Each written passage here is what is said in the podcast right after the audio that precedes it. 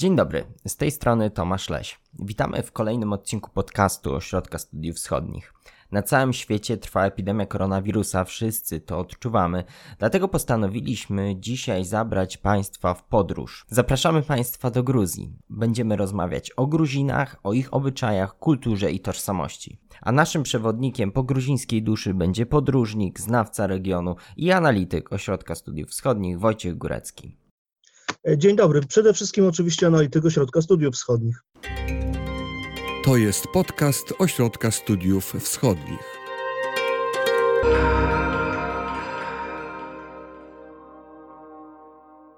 Przejdźmy do naszego dzisiejszego tematu.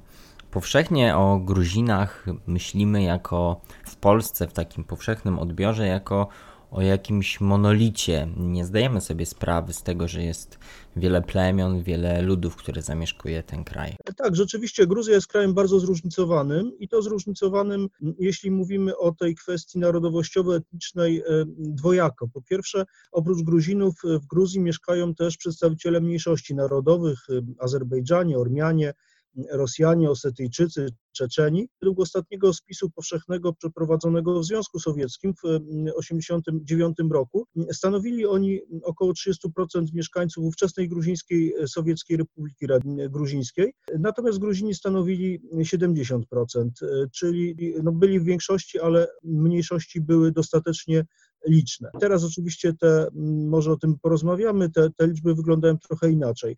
Natomiast drugi aspekt jest taki, że sami Gruzini rzeczywiście, tak jak, tak jak e, wspomniałeś, nie są takim monolitem, występują pomiędzy nimi bardzo duże różnice regionalne.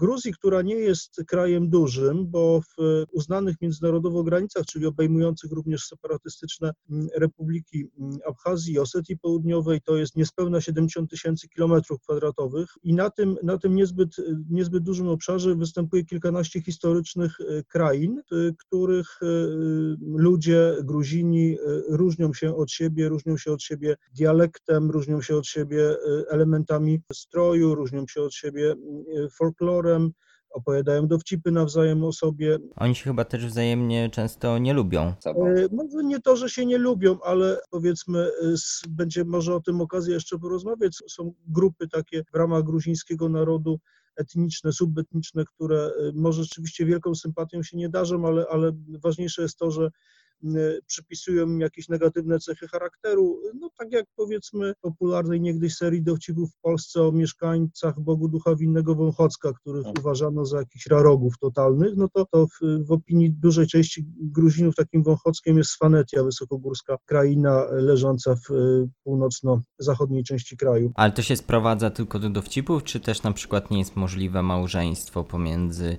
y, członkami różnych plemion czy ludów? Zależy, którą parę weźmiemy y, mm, pod, y, pod uwagę. Y, małżeństwa mieszane zdarzają się stosunkowo rzadko, ale to też wynika ze zróżnicowania innego, czyli geograficznego. Po prostu Gruzja jest krajem górzystym, 87% kraju, powierzchni kraju przypada na góry i przedgórza.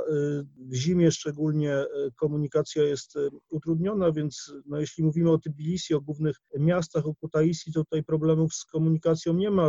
Jeżdżą, no, w tej chwili nic nie jeździ, bo mamy mm, epidemię i w Gruzji w ogóle cały transport y, stanął międzymiastowy, ale generalnie jeżdżą pociągi, autobusy, latają nawet mimo małej powierzchni kraju samoloty na liniach wewnętrznych, ale właśnie to wynika z tej trudnej dostępności Aha. części kraju.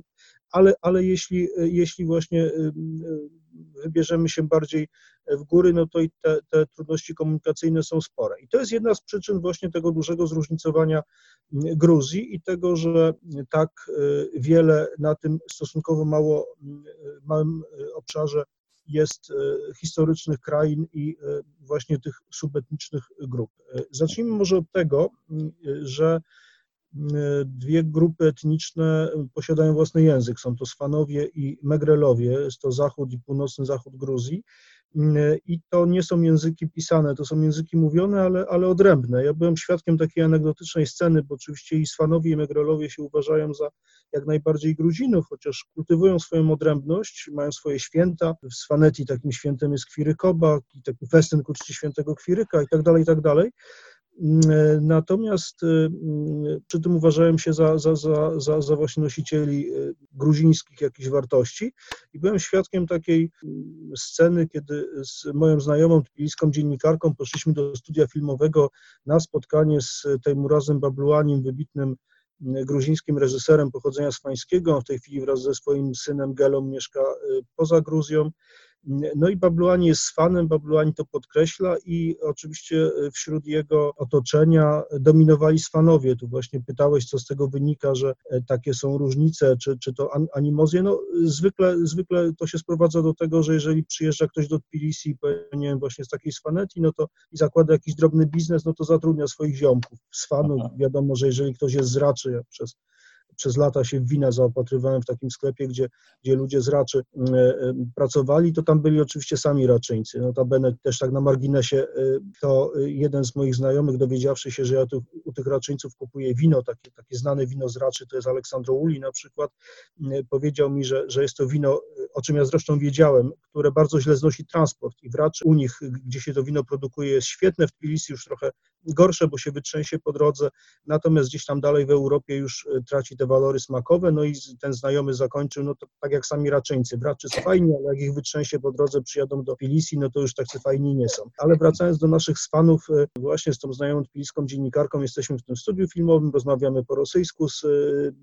tym razem Babluanim, i w pewnym momencie właśnie rozmowa zeszła na różnice regionalne i on starał się tej tbiliskiej dziennikarce udowodnić, że swański to jest w zasadzie tak jak gruziński, no i zaczął mówić po swańsku y, do swoich y, kolegów, współpracowników. Ta dziennikarka mówi, że ona nic nie rozumie, ani w ząb. Powiedzmy, że domyśla się o, czymś, o czym tam mówią, ale to bardziej na zasadzie intuicja. On zaczął udowadniać, nie no przecież to jest podobne. Tutaj jakiś ciąg wypowiedzi po swańsku mówi, no przecież to jest tak jak po gruzińsku, y, coś tam, coś tam. Kompletnie kompletnie nie rozumiał, że ona może nie rozumieć swańskiego. Więc, więc mamy dwa języki, swański i i megrelski. Ale Sfanowie znają też język gruziński? Nie, oczywiście, że znają gruziński. W domach się rozmawia gdzieś tam w wioskach y, w Sfaneti, po, oczywiście w języku swańskim, ale jak dziecko idzie do szkoły, no to już się uczy gruzińskiego, jest telewizja, podręczniki i tak dalej, i tak dalej, i tak dalej, więc to nie jest żaden problem i oni są w pełni dwujęzyczni. W domu używają w kręgu rodzinnym, sąsiedzkim y, swojego języka, natomiast w kontaktach z innymi Gruzinami używają gruzińskiego i oczywiście ktoś biegły w języku języku gruzińskim może się domyślić y, pochodzenia danej osoby po, po akcencie, po, po jakimś tam, y, jakichś tam charakterystycznych y, słowach, zbiorze jakimś leksykalnym charakterystycznym, chociaż osoby wykształcone, które skończyły studia w Tbilisi, no, mogą, mogą już nawet mówić bez, bez takich naleciałości.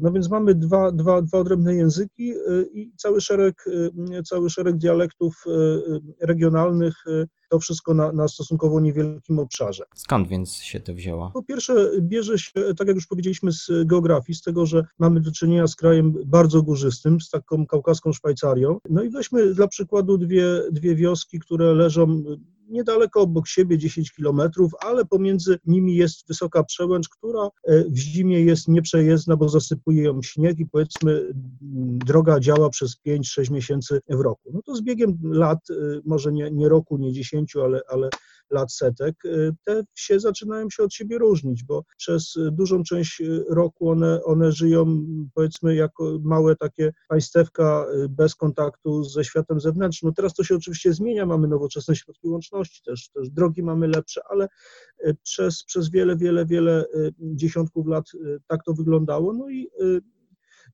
jeśli z jednej krainy do drugiej był utrudniony przejazd, no to wiadomo, że mm, troszkę inne przepisy kulinarne e, jedni i drudzy zaczęli stosować, troszkę się zaczął e, strój różnić, dlatego że używano innych barwników, bo, bo akurat w tej dolince coś tam innego rosło, inaczej barwiło tkaniny i tak dalej, i tak dalej. Więc, więc mamy zróżnicowanie wynikające właśnie z geografii, z gór, z warunków naturalnych, ale mamy też zróżnicowanie wynikające z historii. Teraz Gruzja jest jednolitym państwem, chociaż i teraz ma, ma problemy z integralnością terytorialną, my oczywiście uznajemy jako Polska, jako większą większość wspólnoty międzynarodowej Gruzję w tych granicach Sowieckiej Republiki sprzed rozpadu ZSRR. Natomiast to jest dosyć taki wyjątkowy okres w historii, czyli powiedzmy wiek, wiek XX, dlatego że Gruzja przez większą część swojej historii była jednak państwem podzielonym. Zaczęło się od dwóch historycznych krain protogruzińskich na, na wschodzie kraju, tam gdzie jest Tbilisi, to była Iberia, na zachodzie to była Kolchida, Potem tych ośrodków państwowych było kilka, aż na początku XI wieku Gruzja została zjednoczona i aż do połowy wieku XV była zjednoczonym królestwem. To był okres największego rozkwitu Gruzji, kiedy Gruzja kontrolowała większą część Kaukazu, sporą część terenów obecnej wschodniej Turcji i kwitła we wszelkich wymiarach, także gospodarczym, kulturalnym. Ten okres się kojarzy z, z wielkim dziełem Szoty Rustawelego Witeś w Tygrysiej Skórze, które było jednym z takich dzieł zwiastujących europejski renesans, odrodzenie. Natomiast od połowy mniej więcej XV wieku Gruzja weszła w okres rozbicia dzielnicowego, który trwał aż do przyjścia Rosjan, czyli do końca XVIII wieku. I zamiast Gruzji były trzy królestwa, Kartli, Kaheti i, i, i Mereti mm, i y, duża, y, duża liczba y, księstw czy jakichś innych samodzielnych organizmów, księstwo Guri, księstwo Sfaneti, Megreli, Adżari, Abchazja, która była częścią zjednoczonej Gruzji, właśnie wtedy zaczęła od tej Gruzji, od reszty Gruzji się oddalać. Potem przyszła Rosja i to to jest też ciekawa sprawa, może o tym będzie okazja porozmawiać, o tej niejednoznacznym stosunku Gruzinów do, do Rosji, bo, bo co się stało w XIX wieku? Z jednej strony cała Gruzja się znalazła pod panowaniem rosyjskim, czyli było to powiedzmy y, odpowiednik naszych y, rozbiorów, który to okres no, wspominamy jako traumę narodową. Podobnie było wśród Gruzinów.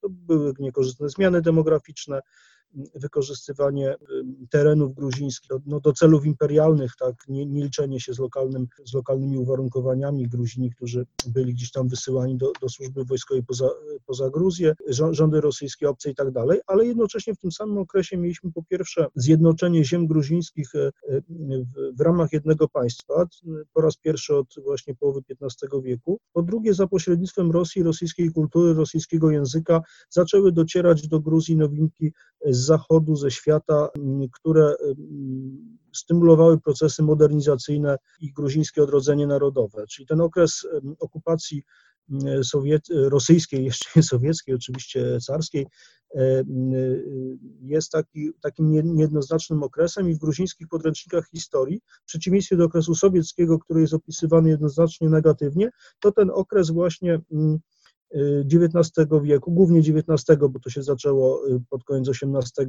aż powiedzmy do, do I wojny światowej, do lat 18-21, kiedy Gruzja po raz pierwszy w XX wieku mm, wybiła się na niepodległość, istniała jako niepodległe państwo, mm, no to ten, ten, ten okres jest przedstawiany właśnie niejednoznacznie, co widać nawet w tytułach y, mm, podręczników historii, odpowiednich rozdziałów w tych podręcznikach, ja te podręczniki regularnie mm, czytam, wszystkie, wszystkie edycje, które się pojawiają i e, na przykład z jednej strony tam mamy okupację rosyjską, z drugiej mamy zjednoczenie ziem gruzińskich, więc e, ten, ten stosunek do Rosji, e, jeszcze do tego dochodzi bliskość kulturowa, prawosławie, które jest wspólną religią, chociaż oczywiście Gruzini mają wspólny kościół, oddzielny kościół prawosławny, gruzińską, gruzińską cerkiew prawosławną, inną niż, niż rosyjska cerkiew prawosławna, no ale, ale ta wspólna kultura prawosławna istnieje, więc to, to, to są korzenie właśnie tego niejednoznacznego stosunku do, do Rosjan, powiedzmy niechęci czy też obawy przed rosyjskim mhm. państwem,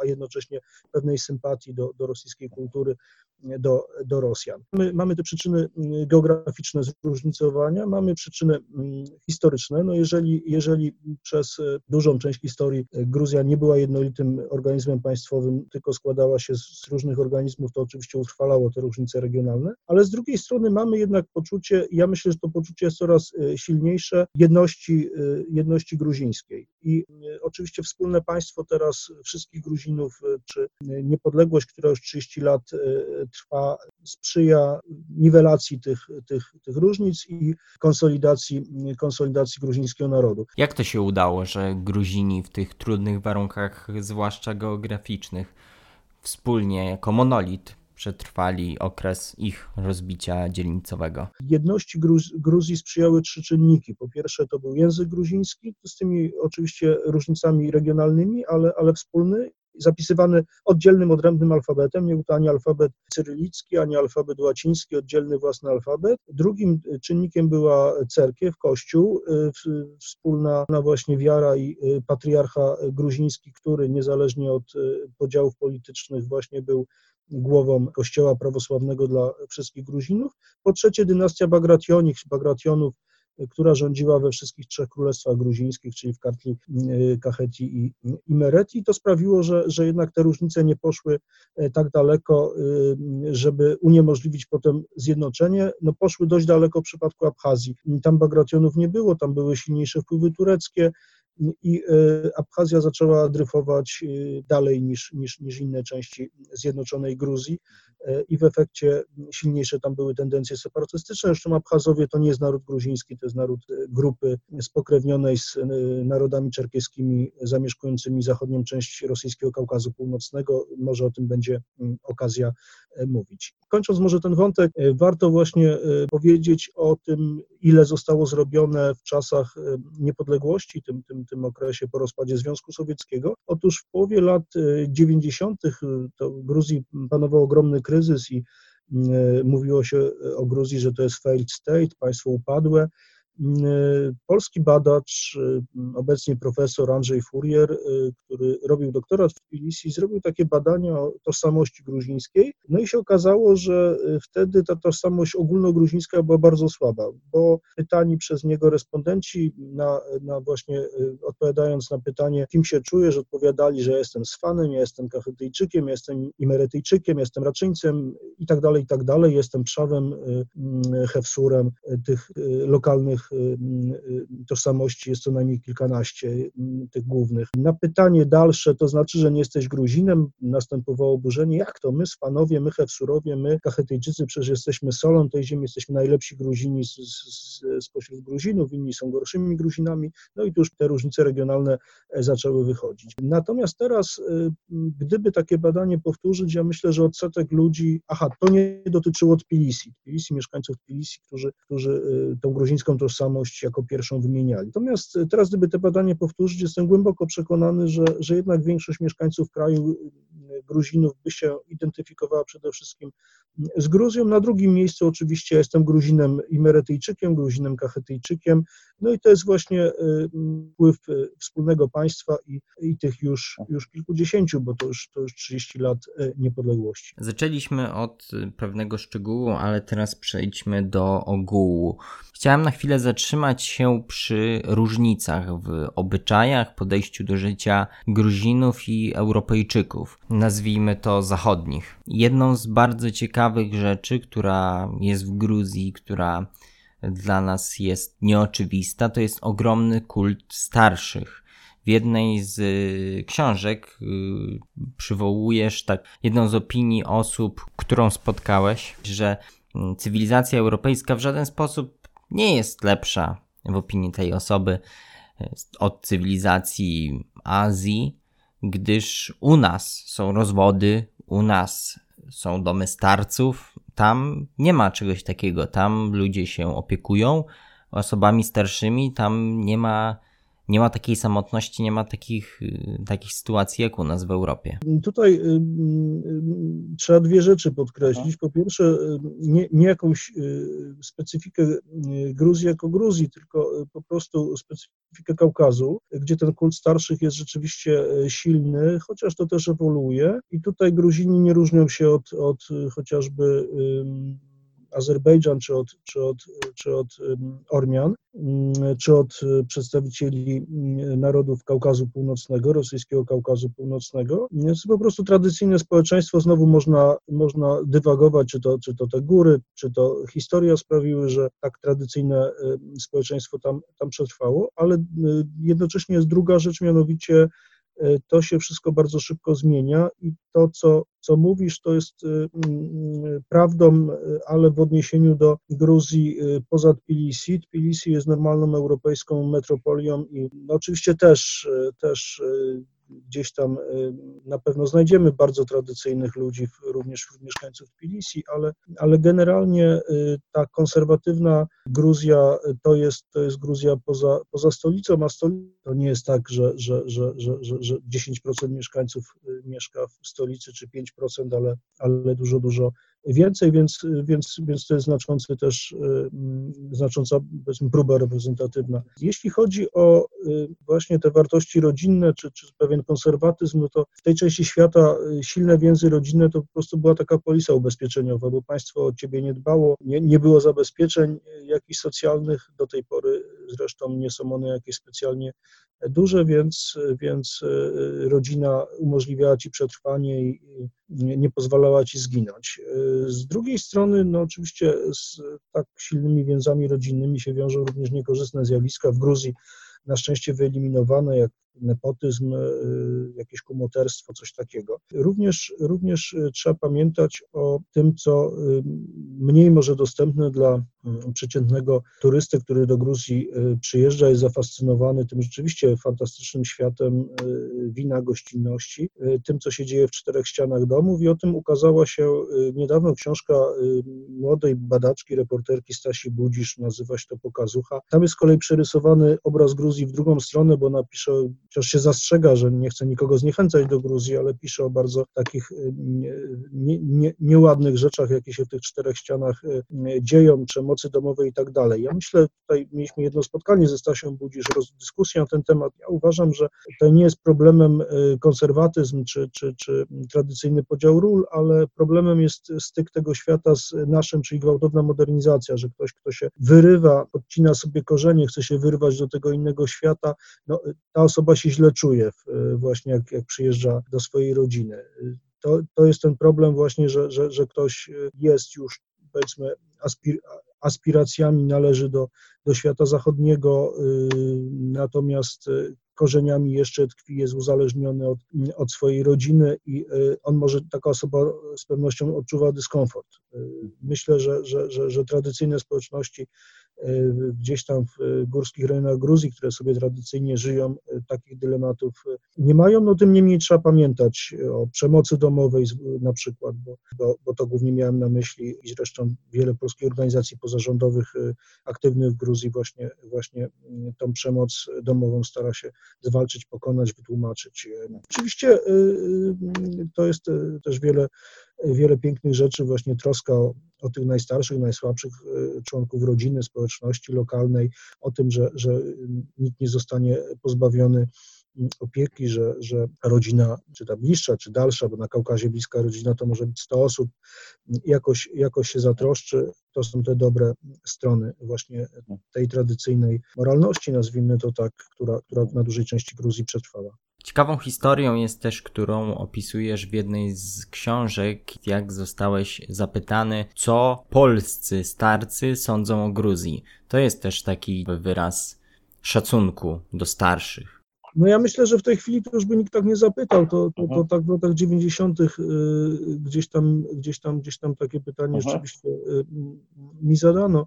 To się oczywiście mm, zmienia, przy czym, y, przy czym w różnym tempie, w różnych, w różnych częściach kraju, w Tbilisi jest to inaczej, gdzieś tam na, na prowincji inaczej, natomiast y, cały czas y, to y, ten jakiś taki szacunek do, do osoby z siwą brodą jest i jakoś naturalnie się przypisuje takiej osobie mądrość wynikającą z doświadczeń życiowych i uważa się, że, że, że, że, że taka osoba ma coś do powiedzenia, chociaż tutaj taką dużą, wyrazistą cezurą było przyjście Saakaszwilego do władzy, z jego hasłami, żeby nie ufać nikomu, kto był kształtowany w Związku Sowieckim. To, to był przełom lat 2003-2004, rewolucja Rusz i potem początek 2004, wybór po raz pierwszy Saakaszwilego z ogromnym poparciem 96% na prezydenta e, kraju i cała seria zaskakujących nominacji dwudziestokilkulatków na ministrów, na, na wysokie stanowiska. Od tamtej pory troszkę ten kult y, y, mądrości y, starców zaczął, zaczął zanikać, bo oczywiście te, te nowe nominacje były różne, byli mniej czy bardziej udani ministrowie, ale okazało się, że 30-latek czy 40-latek może równie dobrze rządzić, czy sprawniej, czy może być dobrym ministrem, tak samo jak ktoś, kto tych lat ma trochę więcej. Znanym w Polsce obyczajem jest gruzińska uczta. To jest coś, co jest kultywowane cały czas w Gruzji? Ten obyczaj mm, trwa, chociaż y, właśnie no niestety turyści, y, którzy przyjeżdżają na chwilę do Gruzji, y, stety albo niestety, są skazani na taką już bardzo komercyjną formę, czy powiedzmy taką cepeliowską formę tej, tej uczty. Natomiast mm, jeżeli ktoś wędruje poza utartymi szlakami, to cały czas ma szansę zostać zaproszonym na autentyczne, za autentyczny gruziński stół, gdzie tak jak 10, 20, 30, 50 lat temu te toasty się w określonej kolejności wychyla, spełnia i, i gdzie jest tamada, który rządzi mm, całą ucztą i gdzie jest y, y, zwyczaj stawiania nowych potraw na starych i tworzenia takich piramid znaczeń, gdzie, gdzie się kilka godzin rzeczywiście ucztuje i, y, i biesiaduje. A skąd się to wzięło, ten obyczaj specyficznego ucztowania? Specyficzny obyczaj ucztowania, ale po, po, powiązany z, z toastami i, i z piciem wina. To jest bardzo ciekawa mm, teoria y, profesora Gagin Dżaradze z Gruzińskiej Akademii Nauk, który w ogóle wskazuje, że ta tradycja to jest początek XIX wieku. To nie jest tak, że od stworzenia świata Gruzini te toasty wychylali, że Tamada był, instytucja Tamady była. Mm, nawet w Tbilisi jest pomnik Tamady, takiego mm, człowieka wznoszącego y, róg do góry. No wiadomo, że w tym rogu było raczej nie, nie mleko i nie woda. Y, a z rogów piło się dlatego, że trzeba było do dna wypić, bo rogu się nie da odstawić. Y, to trzeba wypić po prostu albo trzymać w ręku. Y, I ten pomnik to jest y, w dużej skali powiększenie figurki znalezionej w kopaliskach w okolicy Kutaisi w Wani na obszarach dawnej legendarnej Kolchidy no to pokazuje właśnie to, to picie z rogu i y, istnienie w ogóle stołu. Natomiast dlaczego XIX wiek? Dlatego, że, że wcześniej Gruzja, która była wielokrotnie najeżdżana, okupowana, podbijana, y, miała kontakt z obcą cywilizacją.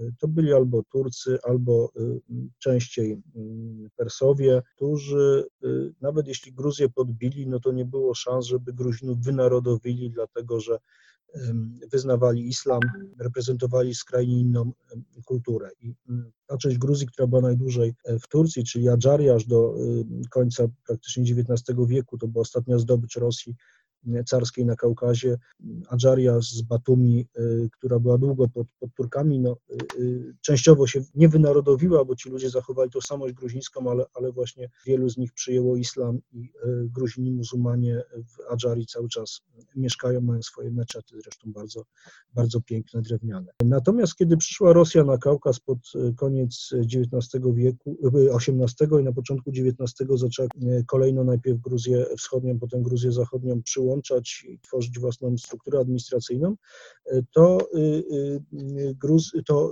Gruzini się po raz pierwszy poczuli zagrożeni w swoim bycie narodowym, dlatego że Rosja też była prawosławna, na dodatek Rosjanie zlikwidowali autokefalię y, gruzińskiego kościoła prawosławnego, podporządkowali gruzińską cerkwię cerkwi rosyjskiej i mm, na dodatek y, taką stosowali, y, właśnie o tym już troszkę wspomniałem, taką metodę, że na przykład gruzińska arystokracja, która użyła w, na oficerskich stanowiskach w armii, była wysyłana gdzieś tam poza, poza Gruzję, no właśnie, żeby wynarodowić, żeby osłabić to silne poczucie tożsamości gruzińskiej. No i wtedy y, według właśnie profesora Nidżaradze pojawił się y, kanon y, gruzińskich toastów, który zawiera takie toasty jak toast za ojczyznę, toast za naród, w różnych konfiguracjach, tutaj w różnych, w różnych wariantach, w różnych odmianach. No i przede wszystkim toasty za przodków, za sławną historię, za przodków w ogóle, za przodków konkretnych, których się wymieniało w toastach bohaterów narodowych, do rzadkości nie należał toast za najwybitniejszych y, władców gruzińskich, czyli za y, na przykład królową czy króla Tamarę, bo, bo, bo ona nie była królową, czyli żoną króla, tylko była królem Gruzji y, i uważana przez wielu za najwybitniejszego władcę w historii w ogóle kraju. I to wszystko, te toasty miały na celu po pierwsze właśnie nauczenie historii. No wiadomo, że, że, że szkolnictwo nie było powszechne i tak, taka uczta była okazją dla, dla młodych zwłaszcza, żeby żeby się historii nauczyć i żeby właśnie y, tymi wartościami przesiąknąć. I y, ten kanon y, to jest, to jest XIX wiek, czyli on jest on jest stosunkowo młody, chociaż tak jak mówiłem, wino pito od, od dawna to jest tradycja sięgająca kilku tysięcy lat. Notabene to jest według jednej z teorii słowo kwino gruzińskie dało początek słowom wino, wine, w językach europejskich. A taki przeciętny dwudziestokilkulatek, on się spotyka w Tbilisi ze swoimi znajomymi w tej, nazwijmy to, tradycyjnej formule uczty? No właśnie, ponieważ Gruzja jest niepodległa, już Gruzinom nie grozi wynarodowienie, więc ta tradycja zaczęła rodować i wśród młodych, zwłaszcza w Tbilisi, bo, bo gdzieś tam na prowincji czy w bardziej tradycyjnych rodzinach to oczywiście jest zachowane. Ta tradycja zaczęła być traktowana jako, jako, jako mówiąc kolokwialnie, obciach tak. coś takiego, co trąci myszką, coś, coś, coś niemodnego, że lepiej się, lepiej się napić drinka. To ciekawe, bo tak z turystycznego punktu widzenia, to ta tradycyjna gruzińska uczta jest jednym z głównych, dużych wabików do podróży do Gruzji. No, to jest właśnie bardzo ciekawa dyskusja. Parę lat temu się przetoczyła przez Nową Europę Wschodnią, y, przez, przez, przez dwumiesięcznik Nowa Europa Wschodnia, właśnie czy my nie orientalizujemy E, wschodu i właśnie nie jeździmy z takim wyobrażeniem, czy nie narzucamy właśnie takiego obrazu tych Gruzinów jak z jakiegoś rezerwatu, którzy tam właśnie w tych pozach zastygli kilkaset lat temu i nie chcemy dostrzec w naszych wyobrażeniach, że, że, że, że, że czas też tam poszedł naprzód, że to już jest inne społeczeństwo. Chociaż oczywiście po to się jeździ do Gruzji, żeby, żeby zobaczyć tą ucztę, żeby usłyszeć te legendarne toasty, które potrafią trwać pół godziny, żeby, żeby tą kulturę stołu zobaczyć, ale w samej Gruzji mm, to, to eroduje. Ja mam kolegę, który mm, jest właścicielem winnicy na, na, na wschodzie kraju w Kacheti, przyjmuje też grupy turystyczne i y, ma sąsiadów, którzy przychodzą i, i, organizują taką, taką ucztę, grają. Y, ja widzę, że z jednej strony to jest oczywiście pod tych turystów, ale z drugiej widzę, jak ci ludzie się autentycznie cieszą tym, że są ze sobą, że, że jest okazja do spotkania, bo to wino to jest pretekst. Y, chodzi o to, żeby pobyć ze sobą, żeby się sobą nacieszyć, to chodzi o taką socjalizację bardziej. Natomiast rzeczywiście to eroduje. Na przykład kiedyś było niewyobrażalne, żeby wypić toast innym alkoholem niż wino. No, wódka oczywiście pito, no ale wódka, e, o, wino robili mężczyźni, wódkę mo mogły pędzić kobiety, bo to było e, tradycyjnie, tutaj mówimy o tradycyjnych rolach, to, to ewidentna, ewidentna dyskryminacja, ale taki był. To zaskakujące, bo u nas wódka raczej kojarzy się z alkoholem, który piją mężczyźni.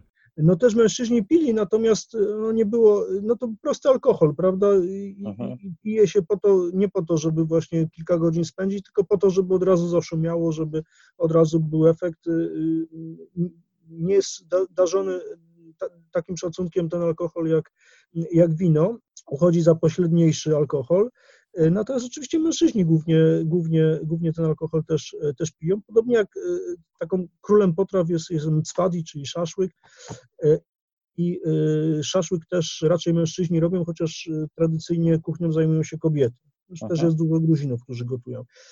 No i kiedyś było nie do pomyślenia, żeby właśnie wódką wypić to, a z piwem. No piwo było po to, piwo tradycyjnie w Gruzji ważono, w wielu rejonach kraju, na przykład Hefsureti do tej pory, czy, czy, czy wśród, takie jest też, też w wąwozie pankijskim, mają swoje takie bardzo, bardzo lekkie piwo, no ale to był taki napój, który się piło na, na, na upały, żeby właśnie złagodzić dolegliwość e, letniego słońca, żeby, żeby, żeby po pracy właśnie się odprężyć, natomiast wino to był uroczysty ta, ta krew narodu. No a teraz nic nie stoi na przeszkodzie, jak się młodzi ludzie gdzieś tam spotykają w jakimś klubie, wezmą sobie piwko, stukną się tym piwkiem, czy nawet bez stukania się.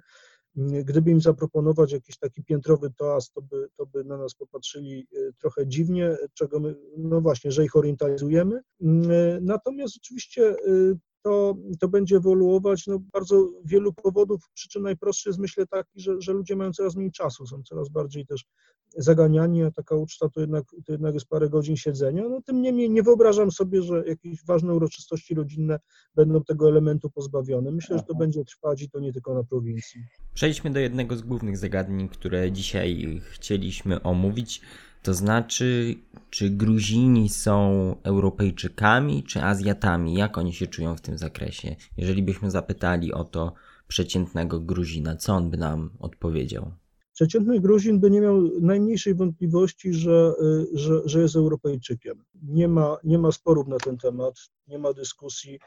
Gruzini są przekonani, że są, że są Europą i ta gruzińska polityka od przełomu XX-XXI wieku dąży do tego, czyli od końca rządów Edwarda Szewernadzego y, kończ, dąży do tego, żeby Gruzja również w sensie instytucjonalnym do Zachodu mhm. do, dołączyła, a tutaj do, do, do Unii Europejskiej, do NATO.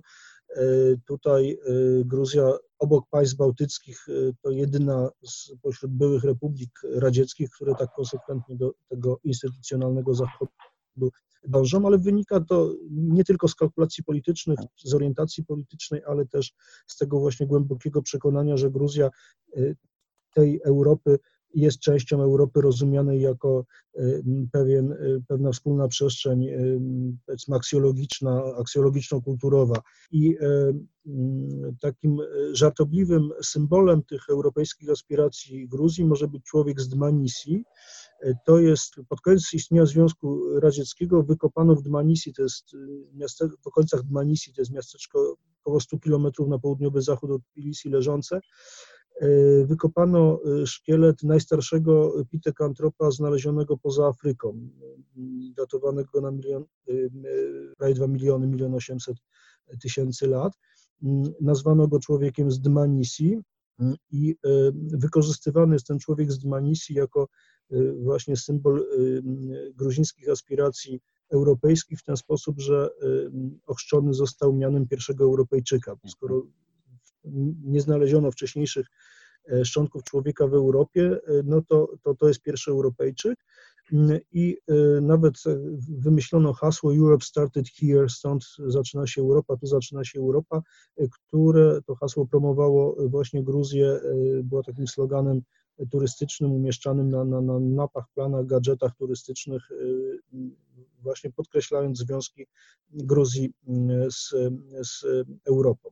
E, no ale oczywiście y, oprócz tej żartobliwej narracji o pierwszych Europejczykach, takim wyrazem dążenia Gruzji do, do tego również instytucjonalnego Zachodu była e, zmiana flagi, która nastąpiła po rewolucji róż, przywrócenie flagi z okresu Zjednoczonego Królestwa z, z, z krzyżami nawiązującymi do Krzyża Jerozolimskiego i e, e, równocześnie zaczęły pojawiać się w Gruzji flagi Unii Europejskiej, które do pory tam, tam wiszą i e, jeżeli się gdziekolwiek w Gruzji jedzie, to, to widać oprócz flag gruzińskich, flagi, flagi europejskie, również nowe tablice rejestracyjne gruzińskie są, przypominają tablice unijne i to jest ten wyraz właśnie dążeń już do tej Europy instytucjonalnej. Te zachodnie ambicje Gruzji, Gruzinów pokazuje też to, że oni bardzo szybko zaczęli żądać i chcieć wyjść z ZSRR, zwłaszcza bardzo szybko na tle innych y, republik. Gruzja, w ogóle Kaukaz y, to był taki drugi rozsadnik po państwach bałtyckich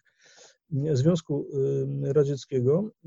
Tutaj warto wspomnieć o wysiłku gruzińskich badaczy, którzy w latach 80. postulowali, żeby nie nazywać ich regionu Zakaukaziem, tylko Kaukazem Południowym dlatego że za Kaukazie e, to sytuuje region e, z punktu widzenia Moskwy, bo mamy Moskwę, mamy Kaukaz i to, co jest dalej, za, za tym Kaukazem jest za Kaukazie. Natomiast jeżeli popatrzymy na przykład z Turcji, no to, y, to Kaukaz Północny jest za Kaukaziem, prawda, bo, bo y, Gruzja jest wtedy przed górami Kaukazu. Y, to już w latach 80. oczywiście Gruzini używali argumentu innego, mówili, że jak mamy Kaukaz Północny, no to to, to, to na południe Kaukazu Północnego powinien być Kaukaz Południowy, ale chodziło o to, żeby położenia Gruzji nie określać y, z punktu widzenia Moskwy. No i tutaj zresztą bardzo, bardzo y, y, ciekawie można prześledzić, jak ta Gruzja wędrowała symbolicznie po mapie od najstarszego zabytku piśmiennictwa gruzińskiego, czyli, czyli żywotu świętej Nino, nawrócenie Kartli, Dr Dawid Kolbaja z Uniwersytetu Warszawskiego e, przełożył e, nawrócenie kartli na polski. Możemy po polsku się zapoznać z tym, z tym zabytkiem piśmieństwa gruzińskiego. Święta Nino, która, która była apostołką Gruzji, która chrystianizowała Gruzinów, pochodziła z Kapadocji, czyli z terenów obecnej Turcji. Dodajmy, że jako jedni z pierwszych Gruzini przyjęli chrześcijaństwo. Tak, tak, tak, tak. To był IV wiek. Gruzja była y, trzecim krajem na świecie po Armenii i Etiopii, która przyjęła, przyjęła chrześcijaństwo jako, jako religię państwową. I święta, święta Nino mówiła o Gruzji, że jest to kraj północny, dlatego że ona pochodziła z terenów obecnej Turcji, była Greczynką z Kapadocji. Gruzja Aha. leżała oczywiście na północ, od, od, później mieszkała w Ziemi Świętej, więc w ogóle prawie w, w linii prostej ta Gruzja na północ leżała. Więc Aha. Gruzja była krajem północnym dla niej. Później e, w, w czasach komunistycznych Edward Szewardnadze, który był e, pierwszym sekretarzem wieloletnim e, Gruzińskiej Partii Komunistycznej, na jednym ze zjazdów partii powiedział, towarzysze, mówi się, że Gruzja to jest słoneczny kraj, ale dla nas prawdziwe słońce wstało nie na wschodzie, ale na północy, to słońce idei leninowskich. Czyli ta Gruzja znowu gdzieś tam zmieniła to symboliczne położenie. No a potem, potem właśnie gruzińscy badacze starali się przede wszystkim po pierwsze zlikwidować to odniesienie do, do, do Moskwy jako punktu określającego położenie Gruzji, czyli Kaukaz Południowy, a nie za Kaukazie. Następnie, jak to się już udało, bo gdzieś tak w, po rozpadzie zaraz Związku Radzieckiego już ten Kaukaz Południowy do dyskursu przeszedł i zaczął, zaczęła to nazwa być używana doszli do wniosku, że Kaukaz Południowy to oprócz nich to jest także Armenia i Azerbejdżan, od których się no. chcieli odciąć, uważając, że oni właśnie, no oczywiście e, współpraca regionalna współpracą regionalną, tych związków oni się nie wypierają, natomiast e, uważają, że w przeciwieństwie do tych swoich sąsiadów, oni są taką prawdziwą Europą, więc zaczęli sytuować swój kraj w regionie czarnomorskim, mm, że to jest region czarnomorski, mm, ale bardzo szybko okazało się, że do e, takiej organizacji mm, gospodarczej współpracy państw basenu Morza Czarnego również dołączyły Armenia i Azerbejdżan, więc od, od, od co najmniej dekady albo i więcej y, y, gruzińscy badacze powtarzają, że jest to Europa południowo-wschodnia. Ja mhm. byłem na takiej konferencji kiedyś w Tbilisi, gdzie mm, jeden z gruzińskich badaczy o dalekich polskich korzeniach, Aleksandr Rusiecki, znany też wielu, wielu polskim ekspertom, przyjeżdżający często do Polski, y, powiedział na tej konferencji współorganizowanej przez, przez Fundację Eberta, że Gruzini są Europejczykami e, podobnymi do innych europejskich południowców, jak, jak, jak Włosi, Grecy e, czy Hiszpanie, a świadczą o tym takie ich cechy jak zamiłowanie do wina, słabość do dzieci, późne zaczynanie dnia i późne kończenie dnia e, oraz na przykład niepunktualność. Ta konferencja się akurat zaczęła z lekkim poślizgiem, więc, więc nawet był gotów E, Rusiecki e, taką niezbyt e, chwalebną cechę przypisać, byleby podkreślić wspólne cechy łączące Gruzinów z europejskimi południowcami. I dzisiaj Gruzini nie mają żadnych, żadnych wątpliwości, że, że jest to Europa i ja też nie mam wątpliwości, że jest to Europa, a dla mnie takim koronnym dowodem był, y, było epitafium jednego z biskupów Bodbe, to jest wschodnia Gruzja, Kachetia, miejsce, gdzie święta Nino, o której już mówiliśmy, została pochowana. W tejże świątyni mm, jest takie epitafium poświęcone biskupowi z XIX wieku po rosyjsku.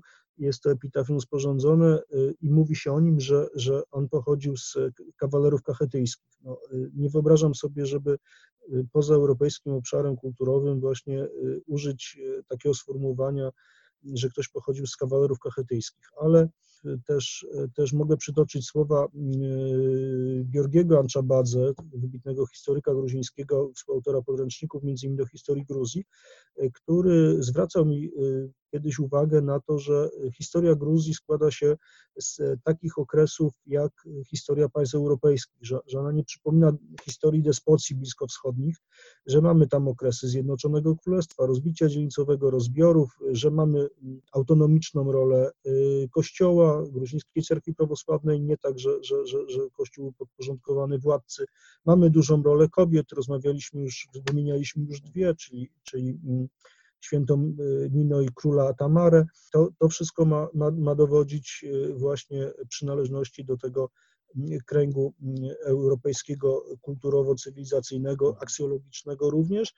No i stąd się też bierze to, o czym też już mówiliśmy, czyli ta nie, nie, niejednoznaczność w stosunku do Rosji, bo Gruzja w okresie rozbicia dzielnicowego miała utrudniony kontakt z Europą, zwłaszcza kiedy Y, Turcy mm, usadowili się w Anatolii, był trudniejszy dostęp do, do, do, do Grecji, do, do kościołów czy do Ziemi Świętej. I dopiero kiedy Gruzja stała się częścią Imperium Rosyjskiego, to te kontakty te kontakty zaczęły być bardziej, bardziej intensywne i tak jak już też powiedziałem, przez, przez teren rosyjski również te nowinki XIX-wieczne do Gruzji docierały i takim charakterystycznym ruchem intelektualnym w końcu XIX wieku był ruch Targdeu Lebi, czyli dosłownie tych, którzy piją wodę z Tereku. Terek to rzeką graniczną pomiędzy posiadłościami gruzińskimi Rosji carskiej, a, a resztą Rosji, czyli, czyli ci, którzy przekroczyli Terek, czyli ci, którzy zdobyli w Rosji wykształcenie i, i to oni zapoczątkowali pod koniec XIX wieku gruzińskie odrodzenie, które, które przyczyniło się, czy też było, było podstawą do rozwoju państwowości gruzińskiej najpierw w latach 18-21, a potem po do tego się też odwoływano po, po y, rozpadzie Związku Radzieckiego, czy w ostatnich latach istnienia związku, kiedy, y, mhm. tak jak, tak jak wspomniałeś, Gruzja y, bardzo wyraźnie zaakcentowała swoje pragnienie do odzyskania niepodległości. W kontekście tego dążenia Gruzinów do Europy, do instytucji zachodnich, warto wspomnieć o reformach, zwłaszcza tych gospodarczych, które Gruzini z dosyć dużą determinacją realizowali. Najbardziej intensywne reformy zaczęły się po rewolucji róż, e, czyli po 2004 roku.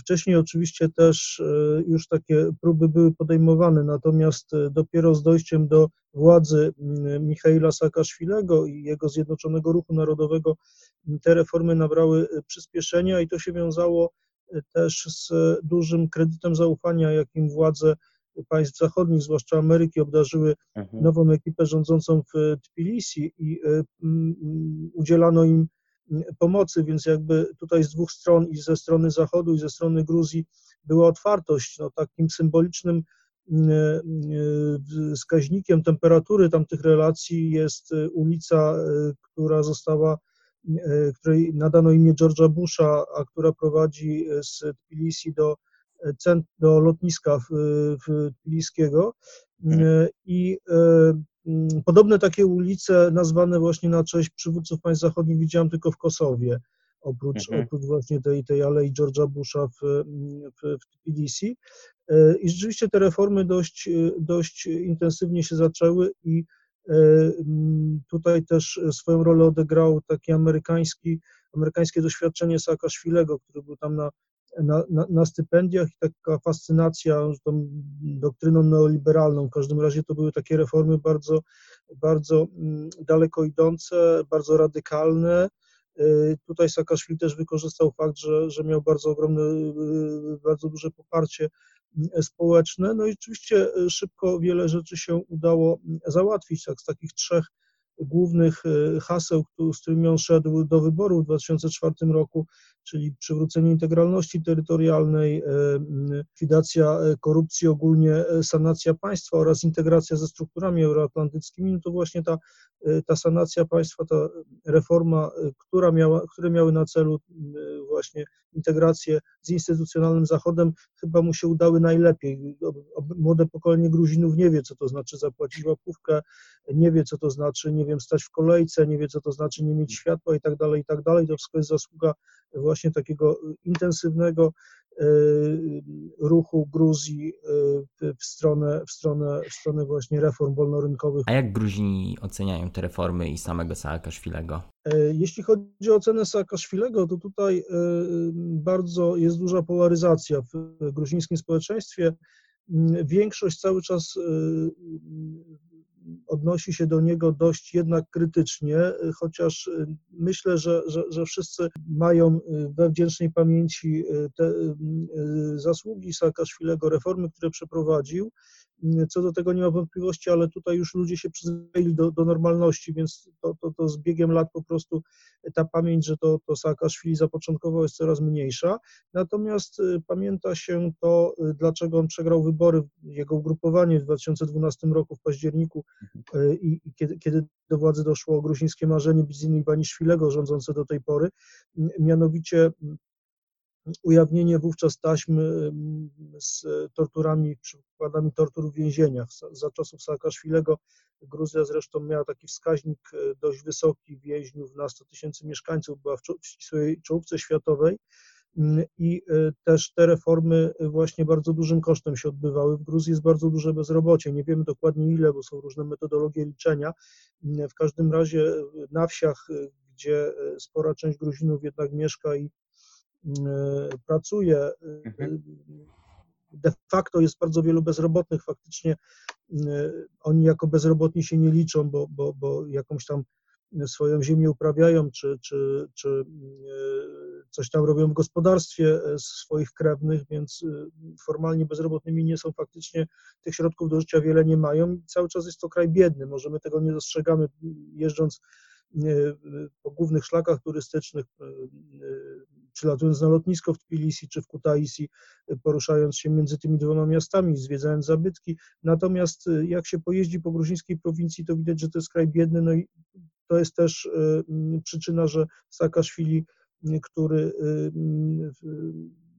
bardzo radykalnie kraj reformował, jednak troszkę, troszkę zapomniał o y, społecznych kosztach tych, tych reform. Y, natomiast cały czas oczywiście on ma gorących zwolenników, chociaż nie jest ich aż tak dużo, ale też jeżdżąc, i to jest też jego zasługa, że jeżdżąc po kraju ludzie nie, nie boją się mówić, wyrażać otwarcie swoich sympatii, mówić, co im się podoba, co im się nie podoba. To pod tym względem to jest normalny europejski kraj, to też jest zasługa Saakaszwilego, z czego mówiący najpewniej nie do końca sobie zawsze zdają sprawę. Mówimy tutaj dużo o prozachodnich ambicjach Gruzji, jednak jest pewien paradoks, pewna rzecz, która mnie osobiście bardzo zadziwiła, to znaczy bardzo duża popularność Stalina. Stalin się cieszy coraz mniejszą popularnością, o tym za chwilę powiem, natomiast rzeczywiście jest to pewien paradoks. I tutaj istnienie, co prawda ograniczonego, zmniejszającego się, ale na kultu Stalina troszkę przeszkadza w swoistej narracji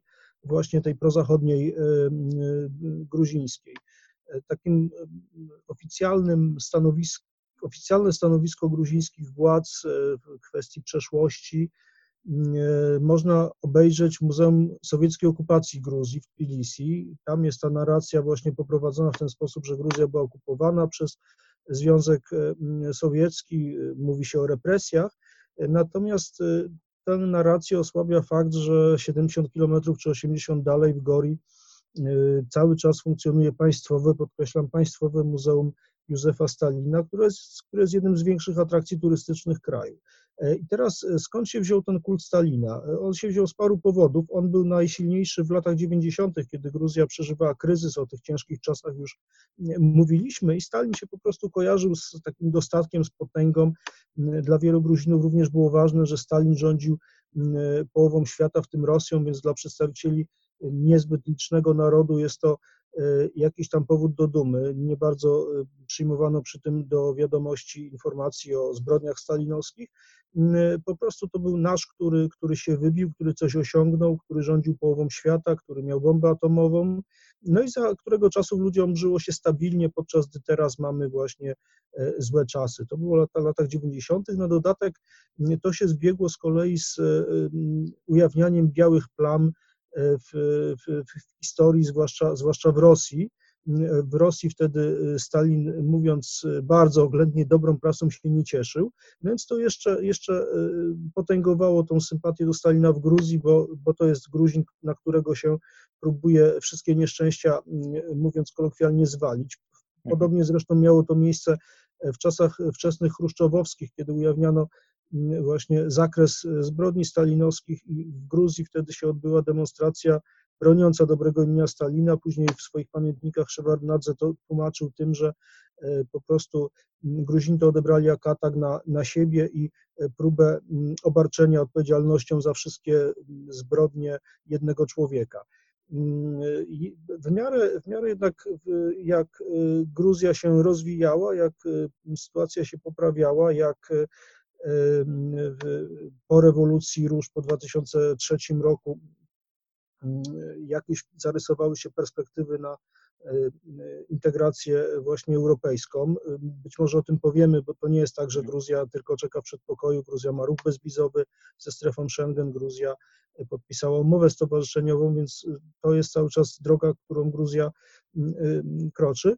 Popularność Stalina zaczęła, zaczęła spadać coraz mniej ludzi było gotowych bronić Stalina i kiedy w 2010 roku władze zdecydowały się na demontaż największego w kraju pomnika Stalina w jego rodzinnym Gori, e, nikt się nie zebrał, czy mała garstka ludzi się zebrała, żeby tego pomnika bronić. Wcześniej dwa razy się nie udało tego pomnika usunąć w 1953 roku i później w czasach strojki po prostu ludzie wychodzili fizycznie, bronili tego pomnika, no to w 2010 roku już tej determinacji nie było i e, ten pomnik sobie zdemontowano gdzieś tam sobie w okolicach e, Gori spoczywa i mm, ta popularność cały czas y, spada, natomiast y, rośnie popularność Stalina w Rosji. To jest ciekawe, że właśnie im, im, im więcej ludzi lubi Stalina w Rosji, tym mhm. mniej w Gruzji i odwrotnie. W 2008 roku w takim konkursie historycznym, wieloetapowym w Rosji na, na najważniejszą postać historii Rosji Stalin długo był na czele, ostatecznie zajął trzecie miejsce.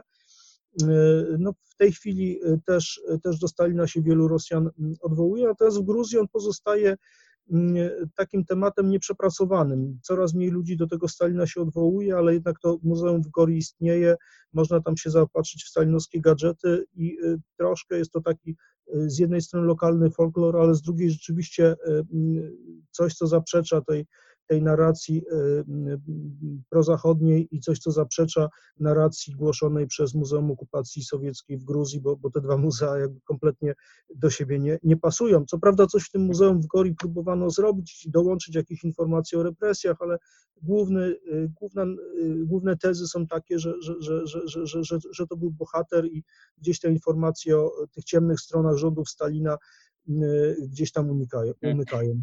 I tym sposobem wywołaliśmy Rosję. Jak dzisiaj, kilka lat już po wojnie, jak wyglądają relacje Gruzinów i Rosjan?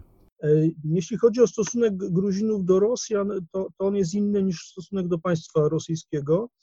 E, kilka lat temu takie badania robiono na temat sympatii Gruzinów do poszczególnych narodów. Między innymi zadano pytanie e, o małżeństwa mieszane gruzińsko jakieś tam i dwa razy tak duży odsetek akceptował małżeństwa gruzińsko-rosyjskie niż gruzińsko-amerykańskie. Hmm. Paradoks. Ameryka oczywiście y, jest bliższym krajem, jeśli chodzi o wybory polityczne. Tutaj odsetek ludzi będących za wstąpieniem Gruzji do NATO jest cały czas bardzo, bardzo wysoki. Natomiast jeśli chodzi o relacje międzyludzkie, no to ten Rosjanin z, z tą y, prawosławną kulturą jest cały czas y, bliższy niż ten, niż ten Amerykanin. To, to, to wynika też z konserwatyzmu Gruzinów, z tego, że, że, że oprócz właśnie tego zeuropeizowanego Tbilisi mamy cały czas bardzo wielu Gruzinów, dla których ważne są tradycyjne wartości, cerkiew i oni rozumiejąc i uważając się za Europejczyków, rozumiejąc ten kierunek polityki zagranicznej, popierając go, jednak bardziej są skłonni E, właśnie lokować swoje sympatie e, bliżej u, u, rosyjskich sąsiadów. Być może nawet gdyby narosło rozczarowanie do Zachodu, że, że Zachód nas nie chce, że my tyle wysiłków w tym kierunku, jakiś e, prorosyjski zwrot w polityce byłby możliwy. Na razie on jest bardzo mało prawdopodobny, ale nieżyjący już politolog, wybitny gruziński politolog Aleksander Rondeli kiedyś mi powiedział, że wiesz, z Rosją to my mamy dwustuletnie doświadczeniem, wiemy jak się z nimi dogadać, my sobie z nimi poradzimy, ułożymy się jakoś, znajdziemy jakiś, jakiś modus vivendi. Gdyby była taka konieczność, oczywiście y, wolałbym, żeby nie było takiej y, konieczności. Więc warto zwrócić na tą dwoistość uwagę y, i ona się przejawia między innymi w tym, że, że, że, że kompletnie nie ma negatywnej reakcji, jeśli się mówi w Gruzji po rosyjsku, wręcz przeciwnie, człowiek jest odbierany bardziej jako swojak niż jak mówi po angielsku. No i do czasów takiego kryzysu, który miał miejsce w zeszłym roku e, w relacjach rosyjsko-gruzińskich. Tutaj trochę o innych rzeczach opowiadamy, więc, więc nie będziemy drążyć tego tematu, ale e, kiedy, kiedy, kiedy właśnie zanim ten kryzys nastąpił, bardzo wielu gruzińskich, rosyjskich turystów Gruzję odwiedzało. Dosłownie widziało się ich na ulicach, słyszało ten język rosyjski, no i nie było żadnego problemu, wręcz przeciwnie, oni byli witani nie tylko jako ci, którzy pieniądze przywożą i inwestują w kraju, ale również jako ci, którzy są dość, dość, dość bliscy. I to oczywiście nijak się miało do oceny polityki Kremla, Moskwy.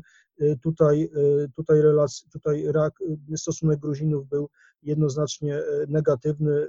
Uważa się powszechnie, że Rosja mhm. okupuje część terytorium Gruzji, Abchazję, Osetię Południową. Także relacja Gruzinów do, do Rosji, do Rosjan to, to są trochę dwie różne rzeczy. Na koniec chciałem pociągnąć ten wątek, który wywołałeś. To znaczy, Gruzini, tak jak rozmawialiśmy przez całą tą rozmowę, są bardzo zdeterminowani w dążeniu do struktur euroatlantyckich. Podjęli daleko idące reformy polityczne, gospodarcze, które także miały swoje skutki społeczne, ale cały czas nie ma tego członkostwa pełnego, czy to w NATO, czy w Unii Europejskiej. Czy nie narasta tam u nich jakieś zniecierpliwienie wobec Zachodu, że oni dużo poświęcili, dużo zrobili, a Zachód dalej nie podejmuje tego ostatecznego kroku.